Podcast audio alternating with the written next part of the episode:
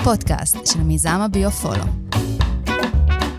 להכיר את עצמך ברגש הפיזי. תכף מתחילים.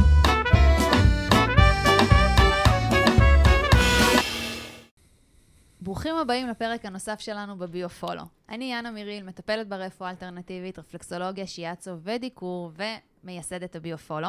פרק 27, אנחנו בעצם... אלי כהן. אלי כהן, אה, מייסד הביוטסט והביופולו, ומתעסק הרבה מאוד זמן ברגשות. הרבה מאוד זמן. וואי, איזה כיף לנו שהגענו לפרק הזה. זה הולך להיות פרק מאוד אה, כן. ענייני. טוב, אז היום אנחנו נדבר על הבקר, על הבקר, הבקרה הרגשית שלנו. אלי, ובואו נתחיל עם השאלה הכי חשובה. איך מתנהלים עם הבקר, בקרה הרגשית שלנו, ביום-יום שלנו? בוא אני- תסביר לנו על זה. אז אני אתן, אה, בראשית, אני אתן אה, דוגמה פשוטה על הקשר בין המצב הנפשי שלנו למצב הפיזי שלנו. אז אני אתן דוגמה פשוטה להבנה. למשל, במצב של עוני, איזה איבר בגוף קשור אליו. אוקיי.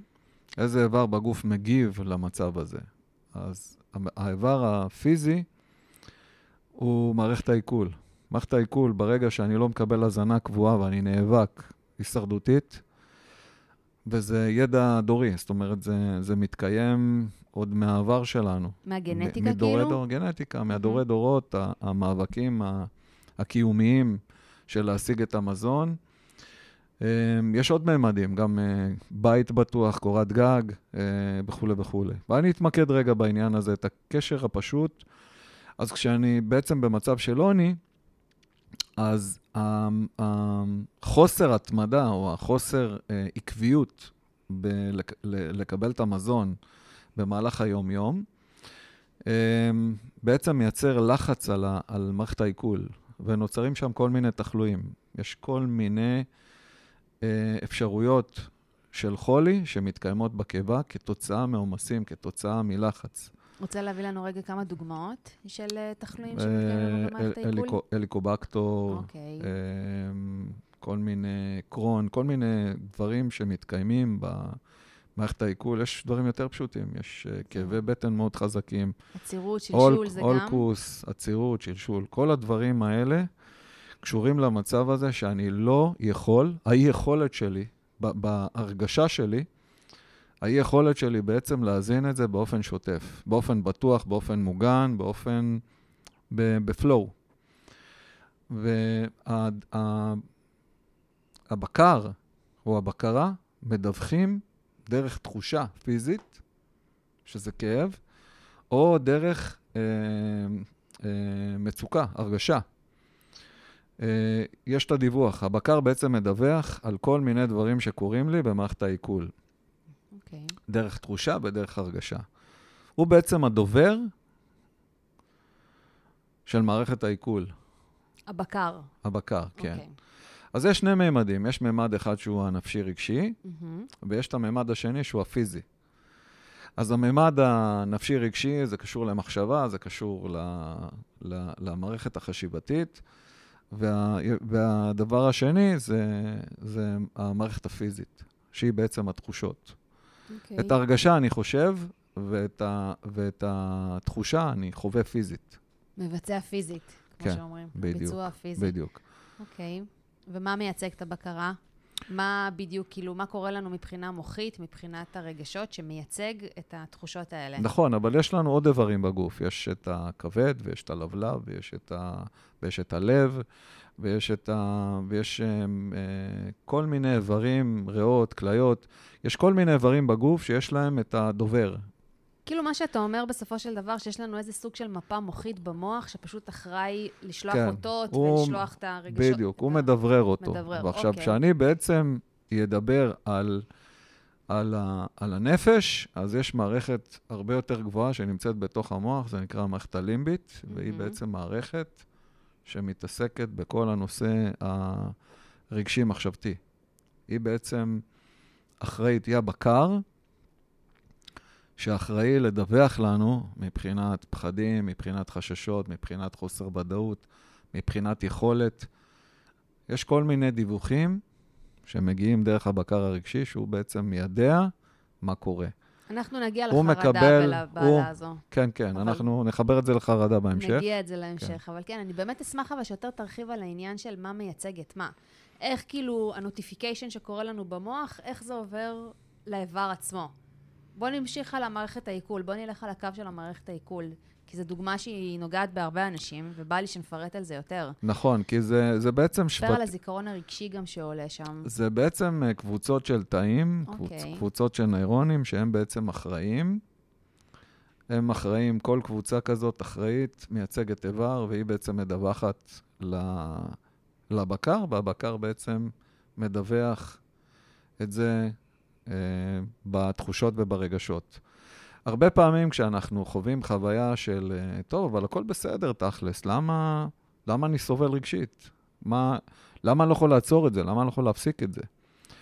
כי אני לא מכיר את השפה. אני לא מבין מה מתחולל בתוכי. אני לא ההיכר- מכיר את עצמי. אני לא מכיר את עצמי. אני לא יודע למה, נובע מזה. וזה שאלות קיומיות. למה זה קורה לי? מה קרה לי? איך זה איך קורה קרה לי? מה גרם לזה שזה קרה לי? וכולי וכולי. זה הרבה שאלות. Um, הרבה שאלות. למשל, סתם אני אתן דוגמה ככה לסבר את האוזן, אז יש את השאלה, מה השאלה הכי קצרה עם התשובה הכי ארוכה בעולם? מי אני? מי אני? מי אני? בדיוק. מי אני זה שני מילים. שאלה מאוד קצרה, אבל הכי קשה לענות עליה. נכון, נכון. וכל הזמן אנחנו גם בשינויים. אבל אז רגע, בוא ניקח למשל את השאלה אבל זה בעצם ההיכרות העצמית. האמיתית. הפתרון לזה זה ההיכרות העצמית. כן. דרך כנות עצמית אני בעצם יכול ללמוד להכיר את עצמי. כל זמן שאני, שהמנגנוני ההגנה מנהלים אותי, חלק מהבקר זה גם מנגנוני הגנה. איך, איך להגן על עצמי, איך לשמור על עצמי. ובעצם מנגנוני ההגנה, הם, הם חוסמים לי את האפשרות הם, להכיר את עצמי, להבין מה אני צריך, בעיקר מה אני צריך, כי ההודעה הזאת של הבקר, היא עכשיו צריך משהו מסוים. אני, דרך המחשבה, בהרגשה, צריך לדעת מה אני צריך כדי להגיע למענה שיספק לי את העניין. באופן הפיזי זה נוזלים, וזה נוזלים ו... אוכל. ואוכל. מבחינה נפשית זה אנרגיה. בנפש זה אנרגיה. כאילו מידע, כן, למשל אני שואל אנשים, תגידו, מה המרכיב ביקום הכי חשוב? מה המרכיב הכי חשוב לקיום שלנו? אז כולם אומרים שתייה, אוכל, כסף. אני אומר להם, לא, חמצן. עם אוכל אפשר, אפשר לחיות תקופות בלי אוכל. אפשר לחיות תקופות בלי נוזלים. עם חמצן, אפילו לרגע אנחנו לא יכולים להתקיים בלי זה. זאת אומרת, המרכיב הכי חשוב זה חמצן, וחמצן זה אנרגיה בעצם.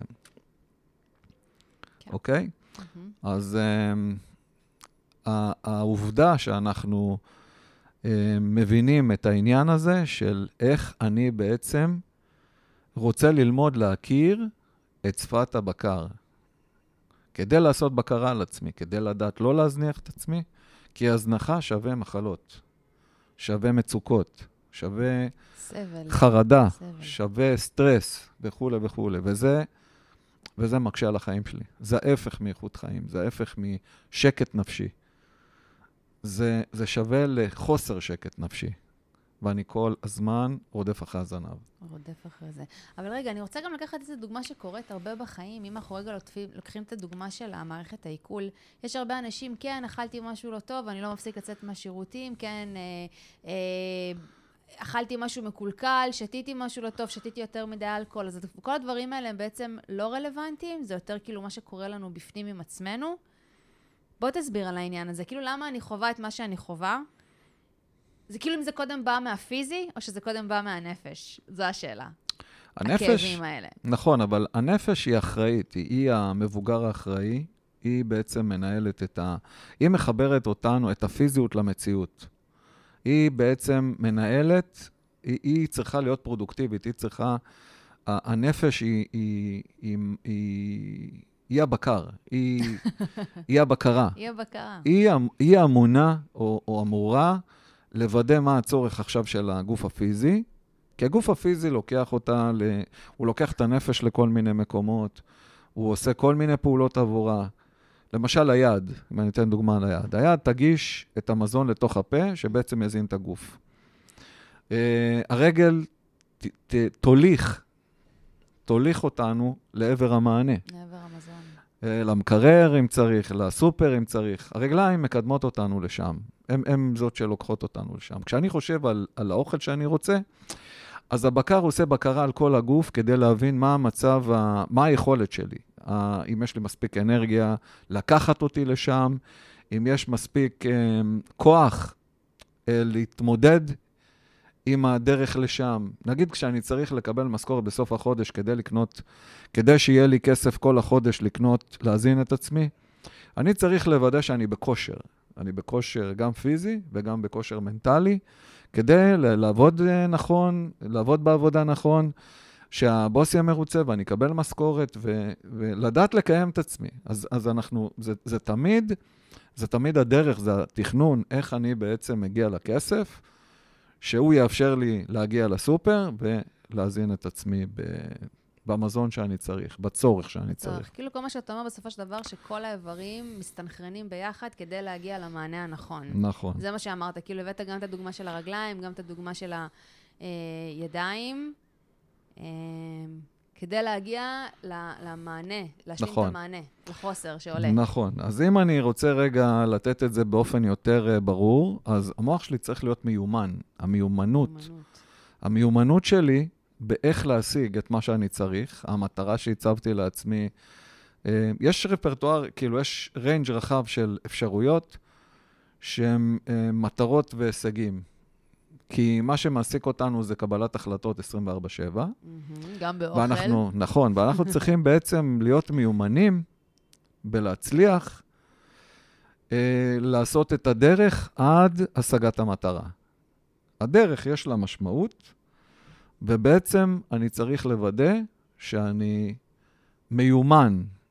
אני חושב מהר, אני מגיב מהר, אני משיג מהר, וכן הלאה וכן הלאה. היום אנחנו חיים באינסטנט, הכל צריך להיות בום, טיק, בום. טיק, טיק, טיק, כן. בום, בום. לגמרי. רגע, אבל מה הדרך? מה הדרך להגיע לשם? אמ, היכרות עצמית? Uh, כן, ההיכרות העצמית, אבל רגע, אני רוצה עוד שנייה לחדד את העניין שאמרתי קודם, בהקשר הזה של... יש את המיומנות הנפשית, זה מיומנות חשיבה. ויש את המיומנות הפיזית, שזה מיומנות של כושר, כושר, ו... כושר ותגובה. אז... לא כושר של ספורט. לא, לא. לא, אז לא קשור. לפעמים כשאני פוגש אנשים בחרדה ואני אה, צריך לתת להם איזושהי... אה, לגרום להם להבין משהו, אז אני אומר, ממצב של הימנעות, בחרדה יש מצב של הימנעות, זה מאוד, מאוד obvious. כשה, כשהבן אדם בחרדה, או הבת אדם בחרדה, ההימנעות היא חלק מאוד מאוד עיקרי בתוך דבר שנקרא חרדה. הם מעדיפים להימנע מלעשות כל דבר. הם מצטמצמים מאוד, והם לא רוצים לפעול. כי הם לא בטוחים בעצמם, והם מרגישים הכי חשופים, הכי לא מוגנים. אז אני אומר להם, ב, ב, בדרך, בדרך לתת להם את ההבנות, את התובנות, ההיכרות העצמית, איך הם ספציפית הם יכולים לפעול. ואני אומר להם, נסה או נסי, תחווי או תחווה, ואז תבינו. כשתבינו, יהיה לכם יותר קל לפעול לפעמים הבאות. זה ישפר אתכם, זה ישדרג אתכם. המיומנות שלכם פשוט תגדל. כאילו גם אם ייחשלו וגם אם ילמדו מזה. דרך הכישלון, דרך. הם ילמדו איך לעשות את הפעולה יותר טוב בפעם הבאה. אבל הפחד מלהיכשל ולהימנע בסופו של דבר, זה בעצם מונע, מונע את ההתפתחות שלהם. כי אנחנו כל יום מתפתחים, אנחנו כל יום לומדים דברים חדשים. אנחנו כל יום משתנים. אנחנו לא, אנחנו לא נשארים במקום. אז יש את האפשרות שזה עולה לכיוון למעלה בהתפתחות, או שזה הולך לכיוון למטה מבחינת הצמצום. אני מעדיף לא לעשות כלום, כדי לא להתמודד עם החוויה של הכישלון. כאילו נמנע כזה. נכון, נמנע. בדיוק. הדרך, הדרך הכי, הדבר הכי נפוץ, זה פשוט לסלק את הרגש, להילחם בו, להתנגד לו, ל, ל, ל, לברוח ממנו, ויש כל מיני דרכים לעשות את הפעולה הזאת. יש כל מיני אפשרויות, או להדחיק, או להסיח את הדעת, או ל... לא לתת לו מקום, לא לנסות להישאר ולהבין מה זה אומר הרגש הזה, מה, למה, מה הוא מספר לי על עצמי. אני פח... והמשמעות של זה, זה שאני מפחד להכיר את עצמי. כי אם אני אכיר את עצמי, אוי ואבוי. אם הסביבה תכיר אותי, אוי. גם אוי ואבוי. אז אני צריך לייצר איזה מין... אה, חומה כזו, הגנה. או חומה, או פסאדה, או כאילו אה, מסכה. אני בעצם לא ארצה שידעו בעצם על הקשיים שלי, כי אני רוצה להיתפס כחזק, כמתמיד, כמהמם. כאלוף. כמהמם, כמה- מאלוף, כן, כולם אוהבים לשמוע את הדברים האלה. נכון.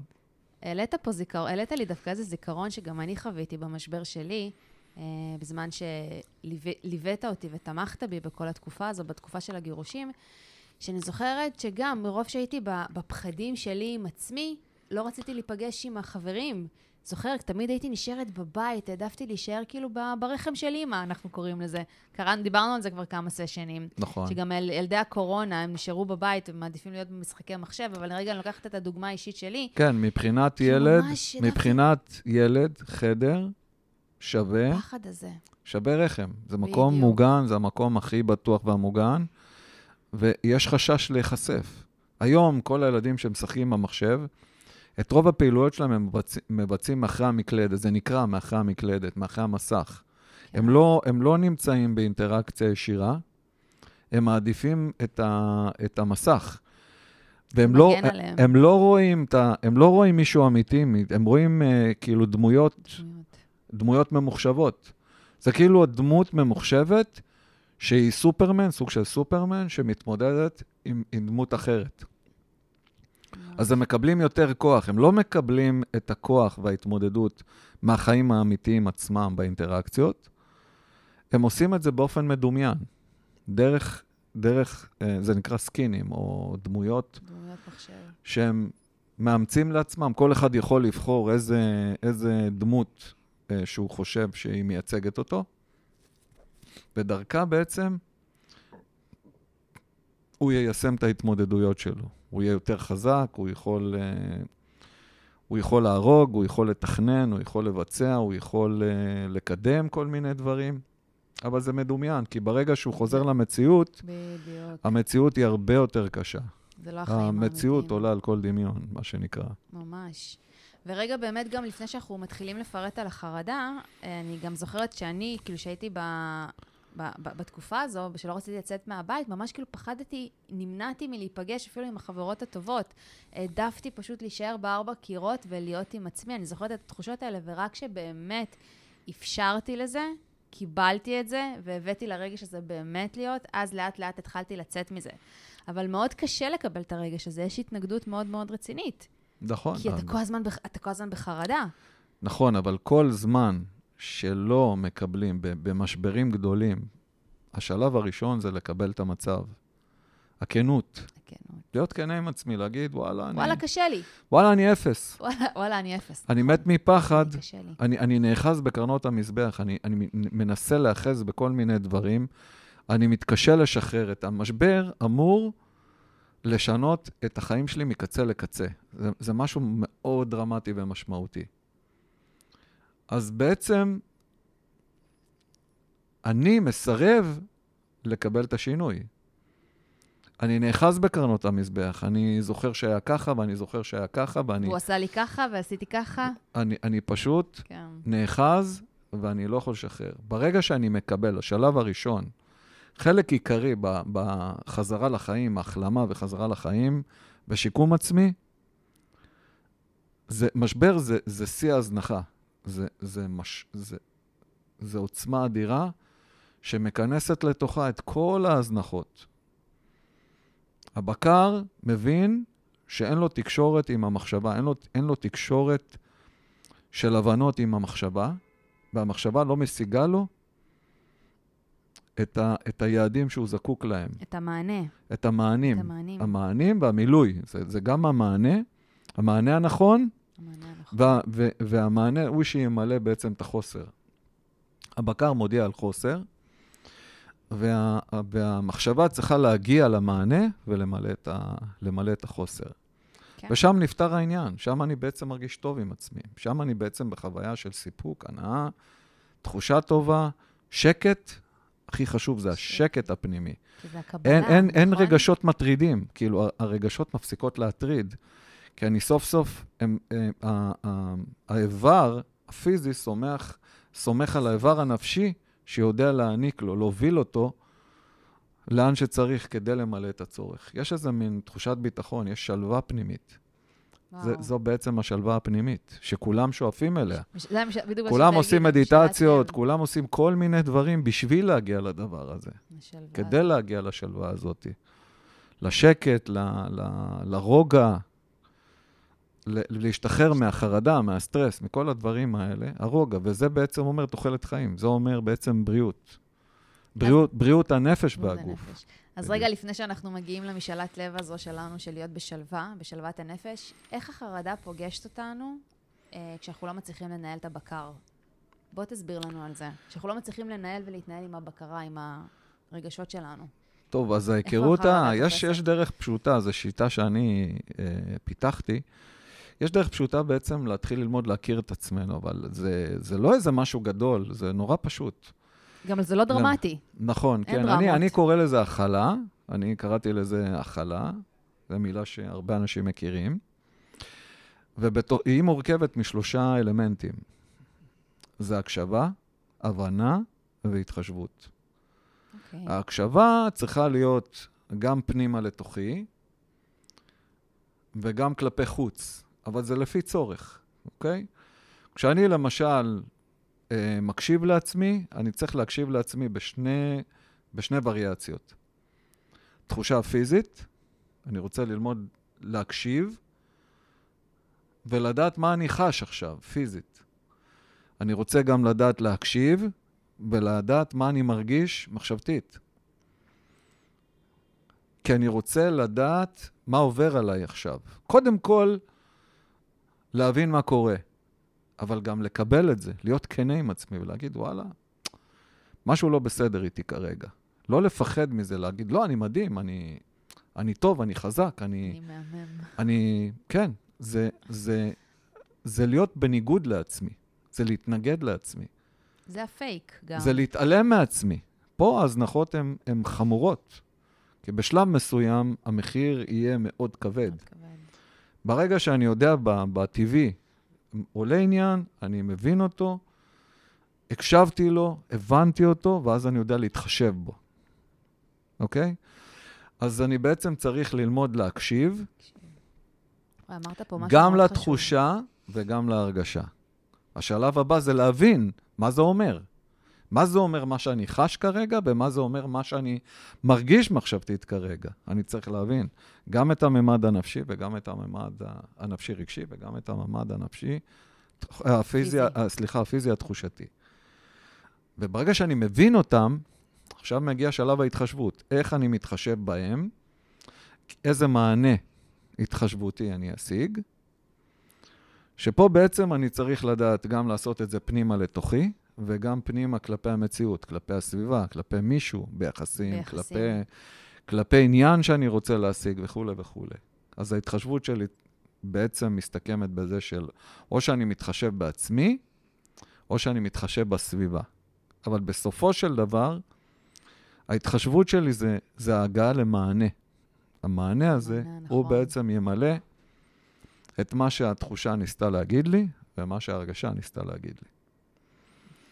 החוסר הזה, כן. זה אומר שאני מתקשר עם הבקר שלי. אני מבין מה הוא אומר לי, ואני יודע לעזור לו. אני יודע לתת לו מענים. אני יודע להוביל את עצמי למענה הנכון. למענה הנכון, בדיוק. כאילו מה שאתה מסביר, עולה, יש חוסר מסוים, יש צורך מסוים, ואתה פשוט משלים לו את המענה. דרך ההיכרות העצמית אבל, כשאתה נכון. באמת מכיר את עצמך. נכון. איך אנחנו מתמודדים עם זה? איך אז- אנחנו יודעים להתמודד עם זה? אז אני אחזור רגע להסבר הקודם בעצם, שאני, אה, שאני מסביר, כאילו, אנחנו צריכים לחזק את יכולת ההקשבה שלנו. יכולת ההקשבה שלנו מורכבת משלושה אלמנטים. תשומת לב, מיקוד וריכוז. הסדר המדויק זה למקד את התשומת לב שלי כדי להיכנס לריכוז. ברגע שאני מצליח לעשות את זה נכון וטוב, את התרגול הזה, אני יכול להשיג הרבה בחיים. אני יכול להיות מדויק, אני יכול להיות אה, חכם, אני יכול להיות בעל ידע, אני פשוט מייצר מיומנות מאוד גבוהה לגבי החיים של עצמי, כי זה בסופו של דבר העניין. כן. ואז אני, ההתמודדות שלי היא הרבה הרבה יותר טובה ואפילו איכותית, כי זו השאיפה בסופו של דבר של כולם. שיהיה לנו איכות ורווחה, זה בעצם מה שמנחה אותנו. כן, זה בסופו של דבר המשמעות של החיים גם, אני חושבת, לא? כאילו, כן. אתה יודע, היום, השבוע שאלו אותי באינסטגרם, יאנה, מה משמעות החיים? כי פתחתי את התיבת אה, שאלות, אה, תשובות, אז אחת הבנות שאלה אותי מה משמעות החיים. וזה בדיוק מה שאמרתי לה. בסופו של דבר, להבין מי אנחנו באמת, ולדעת לתת את המענה הנכון, כדי שיהיה לנו באמת איזה flow בחיים, שיהיה לנו דינמיקה טובה, שנהיה בטוב עם עצמנו כל נכון, הזמן. תמיד שאנחנו, הסיבה שהחלטנו לעשות פודקאסטים זה היה כדי להסביר בעצם, כשאנחנו אומרים היכרות עצמית, אנשים אומרים, מה, אני לא מכיר את עצמי, כאילו, מי, מי אתם? אני מכיר את עצמי. אתם לא יכולים ללמד אותי. זה גם איזה מנגנון הגנה, נכון? שקופץ. נכון, כי זה, זה. בעצם, מי שאומר את המשפט הזה, הוא בעצם נאבק. בדיוק. הוא לא מעוניין ללמוד. הוא לא מעוניין ללמוד ולדעת יותר. ככל שאני יודע על עצמי יותר, זה שווה ערך להערכה עצמית. אני יודע וואו. להעריך את עצמי ואני יודע לפעול נכון בכל הסיטואציות שאני אפגוש. אז ממש. אם אני חסר, אז אני אפגוש חוסר. אם אני מלא, אז אני אפגוש שפע. זה, זה הדינמיקות. עכשיו, אין משהו אולטימטיבי, זה כל הזמן משתנה. כי כשאני אוכל אוכל, אני שורף אנרגיה, אני מתרוקן, אני שוב צריך, ל... אני, אני שבע, ואז עוד פעם אני רעב, ואחר כך אני אוכל, ועוד פעם אני שבע, וחוזר חלילה.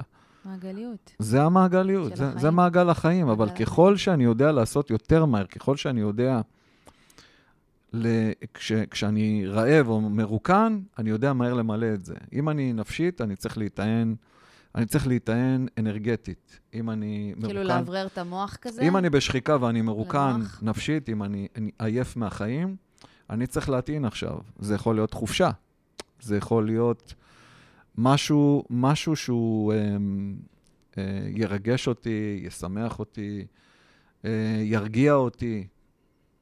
אה, יביא את האוורור הזה, שמשהו שיאוורר את המוח, את המחשבות. כן, יתאים מה- את הנפש. לצאת מההרגלים נכון. היומיומיים שלנו, נכון. ו... אם יש לנו חוסרים בפיזיות, חוסרים, חוסרים מיוחדים, אז אם אנחנו נשיג מזון אה, מסוים, שונה, הוא י, יזין את אותנו פיזית. אגב, גם לזה צריך לדעת להיות מדויק, לדעת בדיוק מה אתה צריך. אם לדעת זה פחמימה, אם זה המתוק, נכון, אם זה החלבון, לגמרי. וגם את זה צריך אה, לדעת להיות אה, מדויק. נכון. אז אלי, איך אנחנו מגיעים לרמת הדיוק הזו? איך אה, אנחנו מגיעים, דרך איזה שיטה אנחנו יכולים להגיע לרמת הדיוק הזו? טוב, אז אני אתן דוגמה פיזית, כי אנחנו תמיד עושים, בינינו, אנחנו תמיד עושים את החלוקה בין הנפשי-רגשי לבין הפיזי. אני אמון על הנפשי-רגשי, ואת אמונה על, ה, על הפיזי. ואנחנו בעצם יודעים לחלק את זה. אז אם אני אתן דוגמה, את המערכת עיכול, מה שהתחלתי בפודקאסט הזה, התחלתי, התחלתי לדבר עליה, זה שהיא צריכה בעצם לחוות חוויה, וזה נורא פשוט. אם האוכל עובר, עובר דרכה באופן שוטף, כל המערכות מוזנות. נכון. אני בולע את האוכל לתוך הקיבה, והקיבה מתחילה, והקיבה סופגת ומתחילה למיין. היא מתחילה להעביר את זה הלאה במערכת, אבל זה בעצם אה, עושה ארגון ומיון וסידור. עיבוד גם, לא וסידור. זה העיבוד, זה העיבוד, כאילו אני מתאר את הפרטים בתוך אה. העיבוד עצמו. העיבוד זה משהו כללי, אוקיי. אוקיי? זה כמו הכלה. ואחר כך יש את, ה, את הדינמיקות שיש חומר שצריך, הקיבה צריכה, יש חומרים שהקיבה צריכה להעביר לדרך, ה, ה, יש את המי הגס ומי העבה, ויש יש, יש כל מיני אלמנטים בתוך מערכת העיכול, אבל משם בעצם מגיע לכל מגיע ללבלב, ומגיע לכבד, ומגיע ל- לכליה, ומגיע ל- לריאה, ומגיע ל... זה מגיע לכל מיני מקומות. הריאה מקבלת חמצן באופן ישיר דרך האף והפה, דרך האף. וגם נקבוביות העור, היא, היא בדרך האף, כאילו יש כל מיני... אמ, זה באופן ישיר מגיע משם ל- לריאה. הריאה זה סוג של קיבה, זה כמו קיבה שמקבלת. פנימה גם את החמצן וגם את הפחמן וגם עוד כל מיני חומרים, אה, עוד אבק, כל מיני חומרים שמגיעים, שהיא בעצם אמורה לסנן, למיין ולפתור את העניין, אוקיי? ומה שקורה זה שהדרך הזאת של כל התהליך הזה זה בעצם עיבוד, זה עיבוד מאוד מורכב, אבל היא בעצם מזינה כל מיני, את, את כל הגוף, בסופו של דבר, אם אני מדבר מאוד בכלליות. ואז יש את התחושה שכולם קיבלו את מה שהם צריכים. סבתא בישלה דייסה, היא נתנה לזה, נתנה לזה, נתנה לזה. ו- ולזה לא נשאר. אז תמיד, תמיד אנחנו ב- בסיטואציה של חוסר. חוסר. תמיד חסר, המוחסר התמידי. כן, תמיד אנחנו חסרים ותמיד אנחנו נשאף למלא את, את החוסר. רמות הציפייה שלי, למשל, מה שדיברנו בפודקאסט הקודם, היא זה שאני רוצה את המשהו האולטימטיבי. יש אנשים שאומרים, אם אני אעשה את הפעולה הזאת, זה יפתור לי את כל הבעיות בחיים. כמו לחשוב על כסף. על כסף, כן. יהיה לי מיליון דולר, אני אהיה עשיר. נכון, אבל תכלס, זה לא עובד ככה. הסברתי עכשיו על קצה המזלג, למה זה, זה לא עובד בצורה הזאת. אין משהו שיכול לפתור לנו את כל הבעיות בחיים.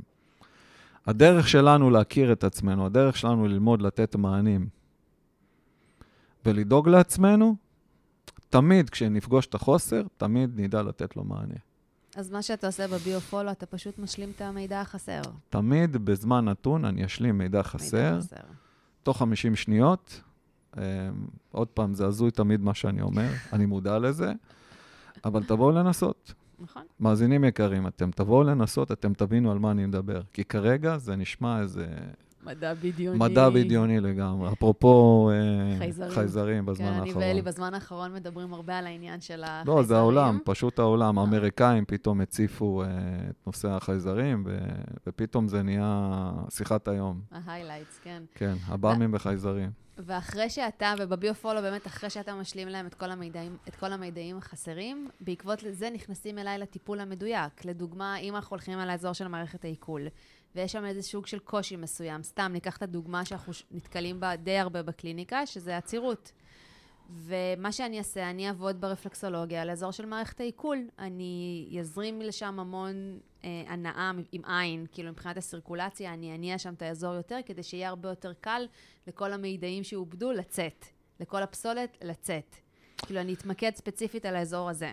נכון. כאילו זה, גם הטיפול אצלנו מאוד מדויק. אלי נותן את המענה, ה- את החוסר. אני כאילו, צריך, ל- אני, צריך לשח... אני צריך לשחרר את זה, ב... את, מבחינה מוחית. את ה... כן, את, ה... את, את החסם, את, החצה, את החסם הנפשי-רגשי, צריך לשחרר אותו. זאת אומרת, צריך לגרום להבנה שתש... שמשחררת. בדיוק. זה כמו לשחרר פקק. סתם, לפעמים אני שומע אנשים אומרים, וואלה, אתה שחררת לי פקק. פקק. כן. אז זה לשחרר את זה, ואחר כך, בפיזיות לא יקרה, לא, זה לא יהיה חסום. כי ברגע שבנפש יש מצב של חס, מצב חסימה, מהמם. הוא מקרין לחוויה פיזית. תהיה חסימה גם באופן פיזי. נכון. כן, הכל מתחיל שם. אין, מש... אין, אין, אין ספק בכלל, הכל לגמרי מתחיל שם. ואז פשוט יוצאים מאיתנו בתחושה גם של הבנה לגבי עצמם, ההיכרות העצמית, וגם הרבה יותר משוחררים מבחינה פיזית, הרבה יותר רגועים, הרבה יותר גם מרגישים את הגוף שלהם, כי יש לנו המון רגעים שאנחנו מתנתקים מעצמנו במהלך היום-יום, כי אנחנו שקועים בלחץ היומיומי ובהישרדות היומיומית, אז אנחנו לרגע שוכחים מעצמנו ומהגוף שלנו, כאילו מתנתקים איתו ממש. אז נכון. הטיפול הזה מאוד כאילו מאחד גם את, ה... אז כלומר, את הרגשות וגם את הגוף. כלומר, הנפש חרדה לגוף הפיזי, שהוא לא יצליח להגיע למטרה, למענה שהיא זקוקה לו כרגע. אם היא צריכה הכרה, אז היא צריכה להשיג גביע.